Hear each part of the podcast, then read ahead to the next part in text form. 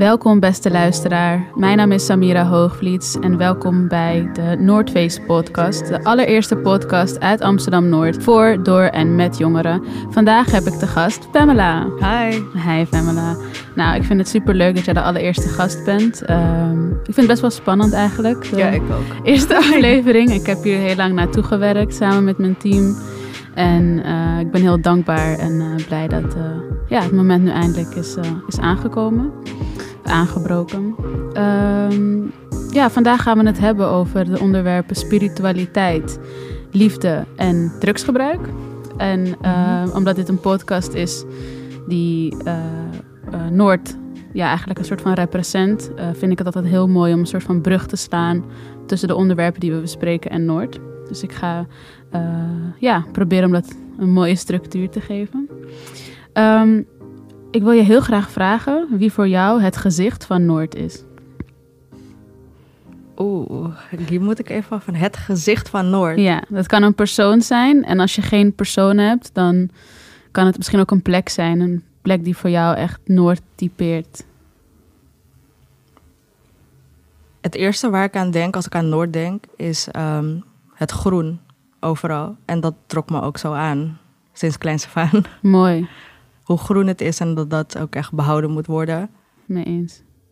Ja, Noord is een mooi groen stadsdeel. Want jij komt oorspronkelijk uit Zaandam. Ja, klopt. En wat was voor jou, ja, hoe was het voor jou om in Zaandam op te groeien? Hoe voelde je je daarbij? Ik heb wel een goede jeugd gehad, maar ehm, de sfeer is voor mij echt heel belangrijk. En ik vind, dit is gewoon mijn persoonlijke mening, eh, er hangt geen creatieve ondernemende sfeer daar. En dat miste ik heel erg. En er is ook gewoon weinig mogelijk. En Amsterdam biedt dat wel. En sinds zeker de afgelopen paar jaren ehm, Noord ook. Noord heel, eigenlijk heel erg. Nee, ik ben blij om dat te horen. En wat is voor jou eigenlijk het... eh, wat heeft Noord jou in deze... Want je woont er nu drie jaar, als ik het goed heb, hè? In de Vogelbuurt? Zeg Yes, ik dat goed? Ja. Vogelbuurt, ja. Wat is voor jou eigenlijk het meest waardevolle wat Noord jou heeft gebracht in de afgelopen drie jaar, als je terugkijkt? eh, netwerk. Eh, heel veel inspirerende mensen ontmoet die eh, hun eigen projecten opzetten met steun van bijvoorbeeld DOC, maar ook van elkaar, buurtbewoners. Ehm, ja, in de afgelopen jaar heb ik ook, en vooral veel vrouwen die echt, echt goede dingen aan het doen zijn. Klopt. Dus Ja, het is heel mooi om te zien. Eh, leuk om mee om te gaan. eh, zeg maar samen te sparren over ideeën of nieuwe projecten. En dat als je één iemand ontmoet die zich echt wilt inzetten voor de maatschappij of voor iets waar hij of zij echt in gelooft, Mhm. dan ontmoet je er steeds meer. Het is echt die, die attraction. En dat, eh, ja, dat, dat heeft Noord echt met mij gedaan. Dat klinkt mooi. Als ik het zo hoor, dan heb je voornamelijk uit Noord toch ook die, ja, wat meer die verbindingen en het netwerken ontdekt hier en hoe dat werkt. En Ja, je zei ook attraction. Geloof je bijvoorbeeld ook in de law of attraction? ja, zeker. En heb je dat ook eens meegemaakt? Dat je een, kan je een voorbeeld geven of iets of een gebeurtenis waarvan je dacht van nou dat is wel echt typerend. Ik geloof wel echt in de, in de law of attraction en, en aantrekkingskracht. En dat je als je iets in het universum stuurt dat het ook weer terugkomt en idem. Eh, ja, ehm, dit verhaal, dat eh, sinds kleins aan wilde ik eigenlijk in de muziek werken. Maar ik ben Hindoestaans Surinaams, dus vanuit mijn familie werd het niet echt gestimuleerd. Ehm, ondanks dat ik mijn passie echt daar ligt. Dus toen ben ik heel wat anders gaan doen. En daar werd ik gewoon echt niet gelukkig van. En een aantal jaar terug dacht ik, weet je, als ik dit voor de rest van mijn leven ga, moet blijven doen, dan ben ik de rest van mijn leven ongelukkig. Beter ga ik mijn eigen pad volgen. En toen heb ik gesolliciteerd bij de Melkweg. Wel bij horeca, maar ik dacht ik moet ergens beginnen. Klopt. En toen, vanaf daar ging het eigenlijk zo aan. Ik had die beslissing gemaakt in mijn hoofd van ik wil in de muziek werken, want ik hou zoveel van muziek en van geluid en wat het met je vibe doet en wat het met mensen bij elkaar doet. En vanaf toen ben ik er een beetje erin gerold eigenlijk. Het was echt die mindset wat ik uitstuurde en dat kwam op mijn pad. Ik heb mooi. allerlei klussen gedaan, festivals bouwen, op stage werken. Ik heb echt tien keer voor Pink bijvoorbeeld gewerkt. Is niet per se mijn muziek, maar wel een grote wereldster. Om haar stage te bouwen was echt top. Doop. Ja, Klinkt echt dope. Ja, ik vind het eh, allereerst heel tof en heel moedig dat je voor jezelf hebt gekozen. Want eh, ja, vanuit mijn eigen ervaring weet ik ook dat soms de cultuur waar je in opgroeit je echt kan beperken in de dingen die je eigenlijk heel graag wil doen. Ja. En als ik het zo hoor, heb jij toch die keuze gemaakt om voor jezelf te kiezen. En dat is, eh, dat is heel krachtig. En ehm, heeft zeg maar voor jezelf kiezen, zie je dat ook als iets spiritueels? Zeg maar je, dat je voor je eigen ja, voor je eigen kiest, je eigen thuisbasis, dus je hart eigenlijk beschermt, zie je dat ook als een spirituele stap? Heeft het jou misschien ook verder gebracht in je, in, eh, in je zingeving? Als dat je, ja. Ja, wat, dat wat je net omschrijft, zie ik echt als ehm, je ziels- of je hartsverbinding. Mhm. En ik geloof ook heel sterk dat als heel veel mensen zo gaan leven. Want ehm, je doet het niet alleen voor jezelf. Mhm. Je doet het voor iedereen die na jou komt. En ehm, ik zie dat ook met jullie hier bij Verdedig Noord. Ik denk dat jullie allemaal personen zijn ehm, die echt vanuit hun, hun authentieke kracht van binnenuit leven. En dat geef je door. Er ko- Er komen de hele tijd... Zulke mensen ga je aantrekken. En samen krijg je veel voor elkaar. Dat weten jullie ook. Klopt, ja, dat is zo. Je Ja, doet het niet alleen voor jezelf. Nee, klopt. Ik denk ook inderdaad wat je zegt. En eh ja, dankjewel voor je mooie compliment ten eerste. Dat, en dat proberen wij vanuit Verdedig Noord ook altijd wel heel helder te hebben. Is dat eh, je handelt vanuit een gezamenlijke intentie. Ja. En dat onze gezamenlijke intentie ook echt iets dat, ja, is dat we het ook voor elkaar doen. En voor de wijk en met elkaar. En ik denk als je inderdaad een soort van team hebt of een netwerk van sterke mensen die like-minded zijn. En ehm, het belang van de ander en van de gemeenschap hoog in het vaandel hebben. Dat je dan inderdaad, denk ik, zo'n mooie verbinding met jezelf en met elkaar legt waar heel weinig tussen kan komen of zo. Ja. Ja, dat vind ik wel mooi. En wil ik graag die brug slaan naar, eh, naar liefde. Want de keuze die je hebt gemaakt om toch voor jezelf te kiezen, zou je dat ook omschrijven als een act of self-love? Als ja, misschien toch een soort van de eerste basis die je zet in, naar het volwassen worden, naar zelfliefde. Zie je voor jezelf kiezen en zoiets hebben van ja, ik wil toch eh, in de muziek werken, ongeacht dat het in mijn cultuur misschien niet eh, gepast is. Zie je dat ook als een vorm van zelfliefde? Ja, op die manier voor jezelf kiezen? Ja, 100 procent. Dat, eh, ja. Zeg maar je eigen keuzes maken, achter je passies aangaan. Passie is ook liefde. Dus als jij achter die passie aangaat, dan ehm, ehm, omarm je jezelf helemaal. Dus ik denk dat dat eh, Dat is wel mooi. een grote zelfliefde Ja, is. ik denk het ook. Want het is een. Ja, ik wil niet zeggen een offer of zo, maar soms voelt het wel als een, een offer die je brengt. Want ja, soms kan je voor jezelf kiezen en dan zijn anderen daar niet mee eens. En dan doet dat ook iets met je. Maar de winst die je daaruit haalt, dat maakt je volgens mij heel krachtig. En ja, ik zie jou ook wel als iemand van korte tijd eh, dat ik je ken. En ja, wat, wat ik van je zie, dat je wel echt ook alles wat je doet met, met passie doet. En ehm, dat vind ik ook heel mooi om te zien. Dat voel ik wel terug, zeg maar, bij hem. Ehm, nou, je bent dus opgegroeid in Zaandam. En eh, in hoeverre denk je dat de plek waar je opgroeit ook te maken heeft met je persoonlijke ontwikkeling? Met hoe je naar de buurt kijkt of naar, de, ja, naar elkaar. In hoeverre heeft de plek waarin je opgroeit ook te maken met je zelfontwikkeling en je liefde voor de wijk? Ja, de vibe is echt alles bepalend. Ehm, want het gevoel wat ik had in Zaandam, ik wilde wel eens projecten opzetten. Ehm, maar dan, ik kon nergens terecht, ik had geen support. En in je eentje iets doen en dat er ook nog eens geen mensen komen. Mhm.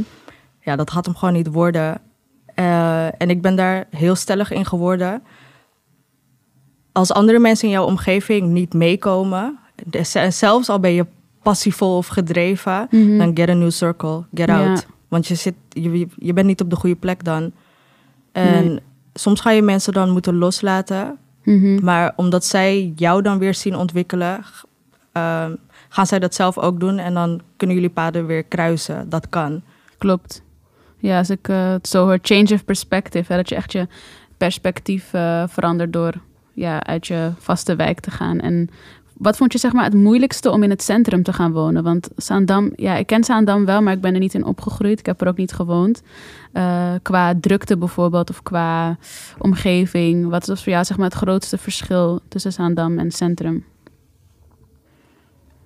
Ja, Zandam is gewoon rustig. Hmm. Echt rustig, rustig. Ja. Ehm, en naar het centrum. Ja, dat was echt een eh, illusie waar ik ben uitgeholpen. Heel, eh, heel individualistisch. Mhm. Ehm, dus als ik aanbelde dat ik daar kwam te wonen, Mhm. om me voor te stellen, ik vind dat normaal. Is Mensen keken me echt raar aan. Ja. En toen dacht ik al van, zeg maar, dat was die eerste crack Mhm. die kwam van. hmm, daarna is het hele huis was echt was niet goed. Ja. Gewoon. En toen kwam ik in Noord te wonen en toen ging ik weer hetzelfde doen, overal aanbellen. Mhm. En daar werd ik heel, heel hartelijk ontvangen van welkom in de buurt. Eh, als je iets nodig hebt mag je altijd aanbellen. En toen zei ik ja, van hetzelfde. Je mag altijd, eh, ja. En toen dacht ik, ik, nee niet dacht ik, ik Mhm. voelde het. Ik voelde het van, ja zie je, dit is eh, de plek waar ik hoor. En Mhm. ik wist het sinds kleins af aan. Iedereen ging me uitlachen, but I'm here.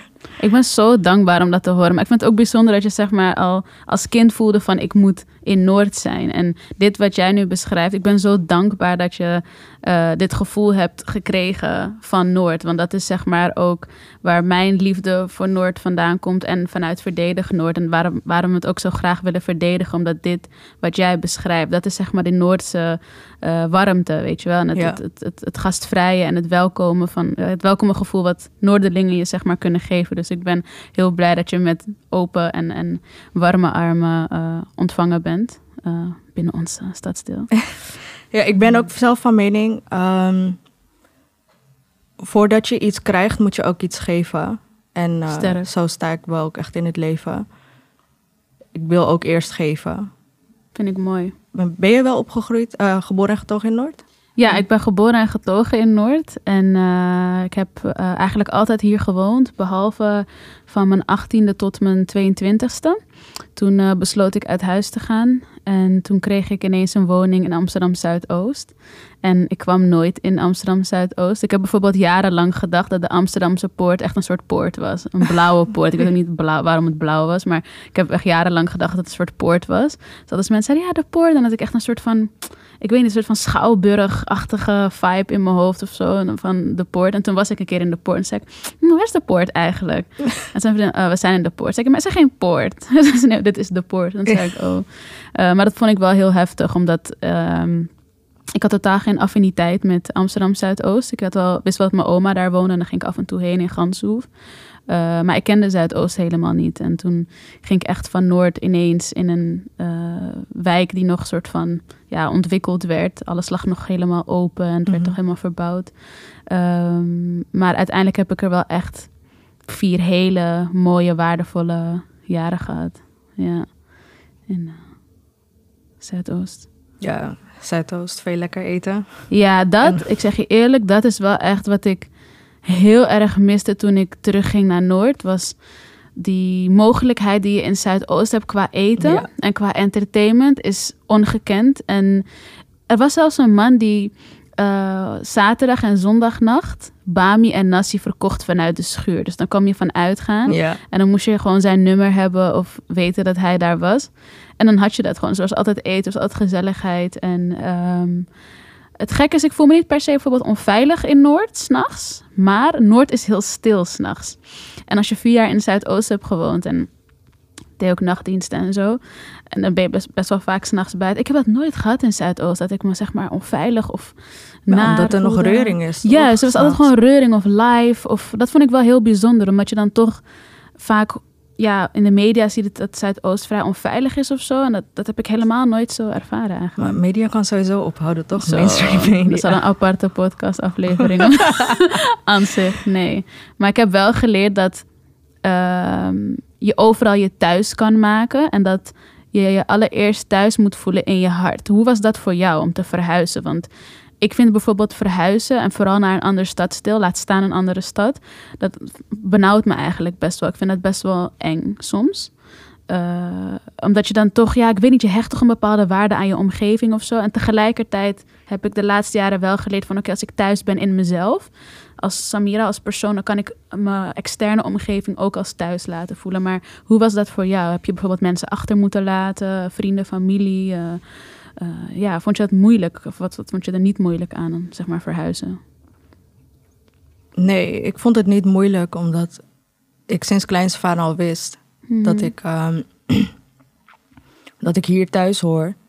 En dat mijn pad hier zich ontwikkelt. ehm, wacht, sorry. Ehm, verhuizen zelf is sowieso niet leuk. Zo. Het is gewoon zwaar. Er moet veel gebeuren altijd. Je hebt altijd meer spullen dan, dan je denkt. Klopt. Maar eh, ja, en Zaandam ligt wel echt dichtbij, toch? Het is niet Klopt. van ik ging naar de andere Zaandam kant. is echt dichtbij. Ik kwam er echt pas laatst achter dus een bus vanaf Mosplein naar Zaandam gaat. Changed my life. Want ik heb echt een hekel aan de trein. Ik raak altijd heel overprikkeld van de trein. Dus ik dacht voor een rondje Primark of zo is het wel goed om te weten dat er ook een bus gaat vanaf uh, Mosplein. Ja, en ehm, ik had ook nog een vraag over. Eh, want je zei in het begin van de podcast al dat Noord bijvoorbeeld heel veel groen heeft en, en ja, toch wat rustiger is. Heb jij specifieke plekken, als je die wilt delen, want ik kan me voorstellen dat je die ook niet wilt delen, dat er anders te veel mensen komen. Heb jij specifieke plekken in Noord waarvan je denkt, ja, hier vind ik echt rust en hier vind ik echt bezieling? Eh, ja, sowieso tegenover mijn huis, Noorderpark. Mhm. Eh, het is echt een mooi park en ik ben blij dat het niet zo populair is als Echt, eh, bijvoorbeeld Ja. Westerpark. Klopt. Eh, langs het water. Er is ook overal water hier. Ehm, Klopt. dat, eh, je hebt één heel mooi plek. Volgens mij heet het Schellingwoude-Breek. Ja, Daar is het dat is echt mooi. met die ganzen, toch? En veel vogels. Die gasten en zijn echt Ja, groot. ganzen uit Noord zijn echt het grootst. Klopt, ik ben zo blij dat je dit zegt. ja. En Ja. ook, die, ik had eh, vorig jaar, waarschijnlijk zullen ze dit jaar ook zijn, die rare rivierkreefjes. Die, die waren er ook. Die rivierkreefjes, dat is... Dat, wow, ik krijg echt een verstoring. Kijk, ik wist niet dat er überhaupt kreeften zijn in plekken waar er gewoon veel stedelijke dingen Mhm. zijn, snap je? Dus ik dacht, zoiets vind je misschien in een natuurgebied of zo. Maar ik weet nog dat ik op een ochtend wakker werd en ik heb zo'n soort van grasveld voor de deur. En ik had heel slecht geslapen. Ik had toen een soort van slaapprobleem, dus ik nam af en toe Mhm. nog slaapmedicatie. En het voordeel daarvan is dat je in slaap valt, maar het nadeel is dat je echt een soort van space wakker wordt. Mm. En ik werd wakker en ik ging gewoon rustig even in de tuin zitten. En ik zie een soort kreeft of zo lopen op het gras. Dus ik dacht, ben ik aan het hallucineren of zo, weet je wel. Dus ik liep zo naar buiten. En toen was het gewoon echt een kreeft. En ik dacht, wow, misschien is hij van iemand. En ik was helemaal met die kreeft zo van, wow. En toen dacht ik van, ik pak hem op met zo'n soort schepje. En ik gooi hem in het water, want er was dus Mhm. water voor de deur. En ik dacht van, wow, ik voelde me echt goed, weet je. Alsof ik een soort van goede daad of zo had verricht. En toen later, toen ik ging googelen van kreeften in Amsterdam, toen kwam ik er dus achter dat het inderdaad een soort van zoetwater kreefje is. En dat als hij uit het water komt, hij dus op zoek is naar eten. Dus ik heb eigenlijk zijn hele grind een soort van verpest. Pest. Ik voelde me zo kloten daarna. Oh mijn god. Ja. Dat is echt heftig. Maar jij hebt ze dus ook gezien, die Yes. kreefjes. Ja, maar. Ja. Je hebt veel bijzondere dieren in, eh, in Noord. Ja. Ja. Veel vogels ook. ja, ik las laatst in de uitkrant Oh, dat, nice. Dat de ijsvogel hierheen is getrokken. Klopt. Heb je hem wel eens gezien? Nee, nog niet. Ik ga wel Mm. even checken. Ik vind vogels sowieso mooi om naar te kijken. Nice man, ik ook. En dat, eh, ja, waarschijnlijk omdat het hier zo groen is, dat ze hierheen Klopt. zijn getrokken. Ja. ja, ze voelen zich heel erg thuis in Noord. En de ijsvogel, ik hoop echt dat je die een keer met eigen ogen kan Mm. zien. Het gaat je waarschijnlijk emotioneren. Ik moest huilen toen ik hem voor de eerste keer zag. En, maar je hebt ze heel veel in het Vliegenbos. De ijsvogel, ook in het eh Banakkerspark. En eh, ook in het Schellewoude, Sch- ja, zie je ze ook nog. En ja, je hebt heel veel verschillende soorten eh, vogels hier in Noord. Ook veel uilen in het Vliegenbos. Maar dan moet je echt s'nachts gaan. En ik, ik hou niet zo van bossen s'nachts. ik weet niet, dit toch? Maar dat. En ja, over vogels gesproken wil ik even die brug maken naar vliegen. En dan niet zeg maar vliegen in vliegtuig, maar meer vliegen als, in space zijn. Ik weet al wat eruit komt. ja. En eh, ja, je hebt net ook over water. En toen dacht ik van ja, die koppeling die ik heel erg maak met Noord en water is cannabis. Want ik vind dat je nergens zo lekker kon blowen als aan het water in Noord. Dat is echt euforisch bijna. Mhm. En ik vroeg me of, oh ja, ik vroeg me eigenlijk af, hoe liberaal sta jij tegenover cannabis? Voel je dat? Gebruik je dat? Heb je het wel eens gebruikt? Ja, ik heb wel lange tijd gebloot. Eh, gewoon ter ontspanning. Maar ik merkte dat mijn geheugen... eh, ja, minder werd. Mhm. En mijn geheugen is echt sterk. En ik hecht er ook waarde aan dat ik eh, een soort pinpoint gebeuren in mijn hoofd kan maken. Waardoor ik heel veel onthoud. En Mhm. toen eh, ja, ben ik gewoon gestopt. Maar-. Ja, I don't judge. Het is gewoon... Same. Ja. En heb je ook wel eens in Noord gebloot? Of was je toen al gestopt? Ja, ik was al gestopt toen. Oké, ja. Niet jammer of zo. Het is hartstikke goed van je. Maar dan...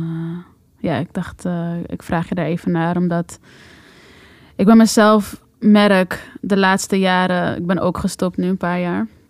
Exact om dezelfde reden dat jij ook eh besloot te stoppen. Ik vergat zoveel. was gewoon...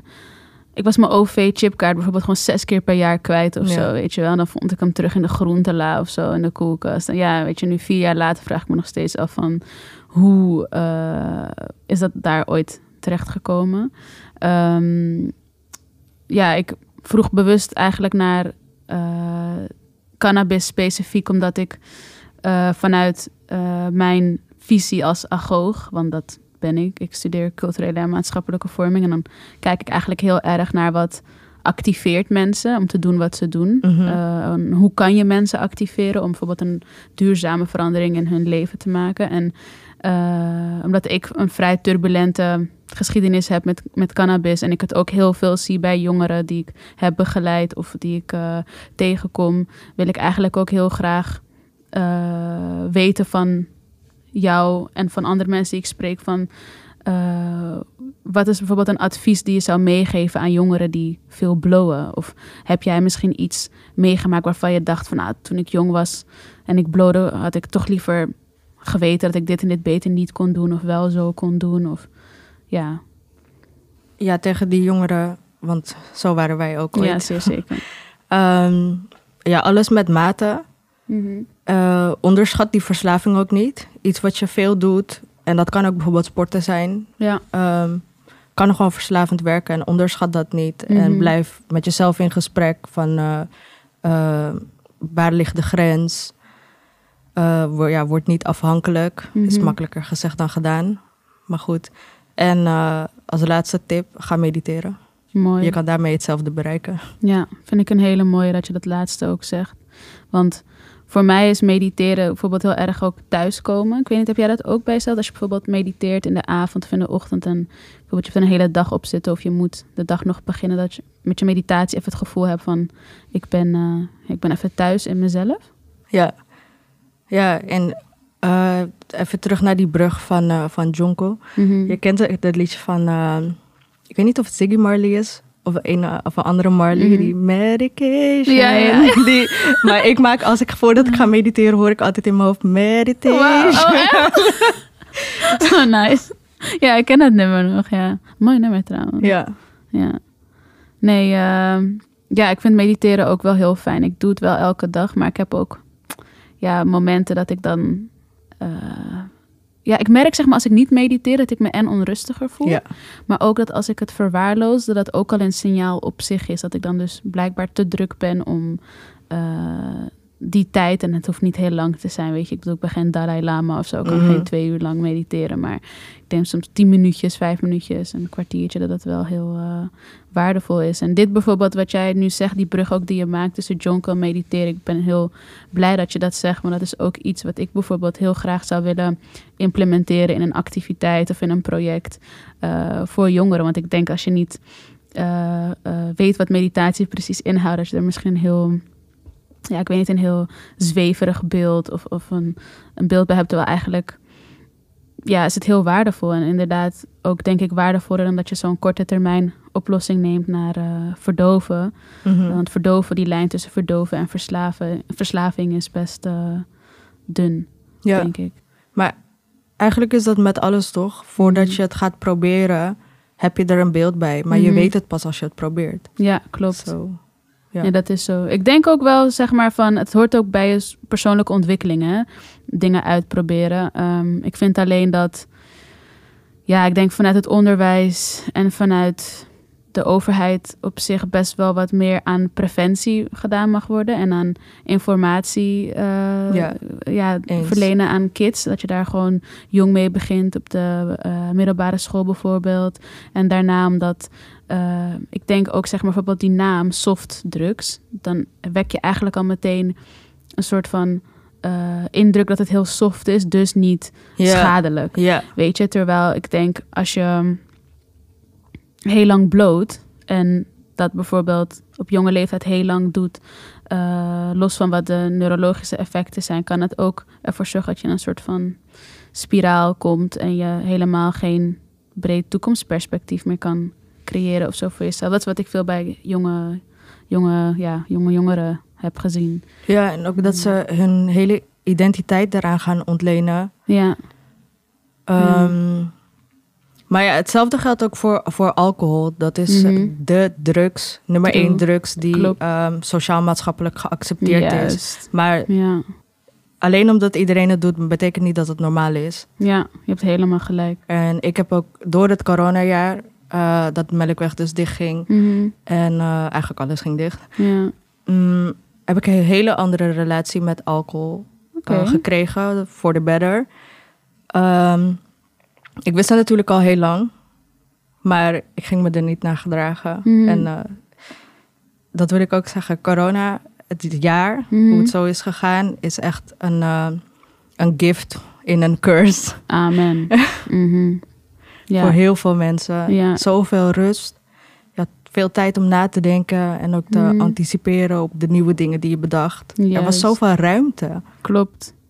Ja, ik vind het echt mooi dat je dit zegt, want dit is ook exact hoe, het, ja, hoe ik er ook in sta. Ik vind het ook echt een, een, ja, een blessing en een. Ik vind het, ja, ik snap dat het een curse is ook Mhm. voor, mij niet, maar het was echt blessing en blessing. Ja. Uh, maar ik ben ja, dankbaar voor jou ook om te horen dat je er een positieve draai aan hebt gegeven. Dat je toch rust hebt kunnen vinden.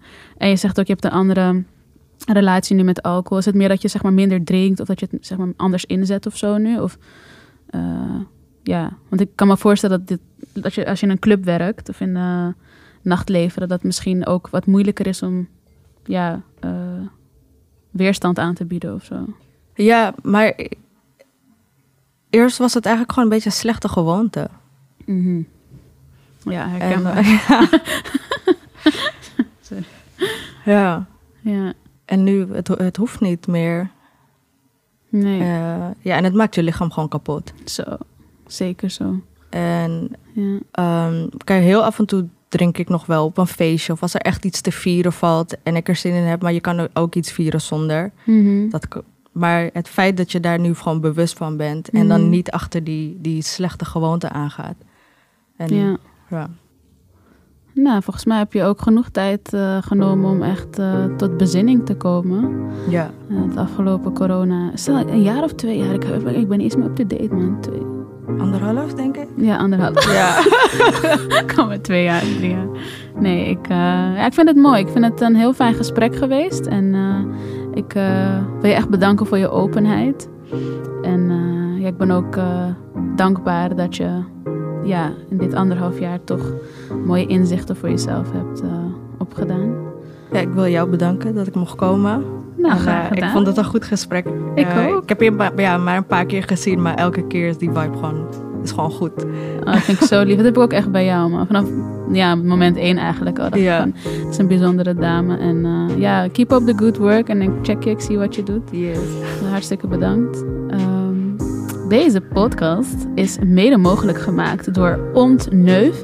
En Pont Neuf heeft de beste vers gesneden friet van Amsterdam-Noord. Pont Neuf is gevestigd aan de Buiksloterweg. Je kan er niet omheen. En zij openen binnenkort de tweede vestiging aan het Noorderpark. Naast IJskou de Beste, de beste ijssalon van Amsterdam en omstreken. Shout-out naar iedereen die heeft geluisterd. Dank jullie wel. En tot de volgende aflevering.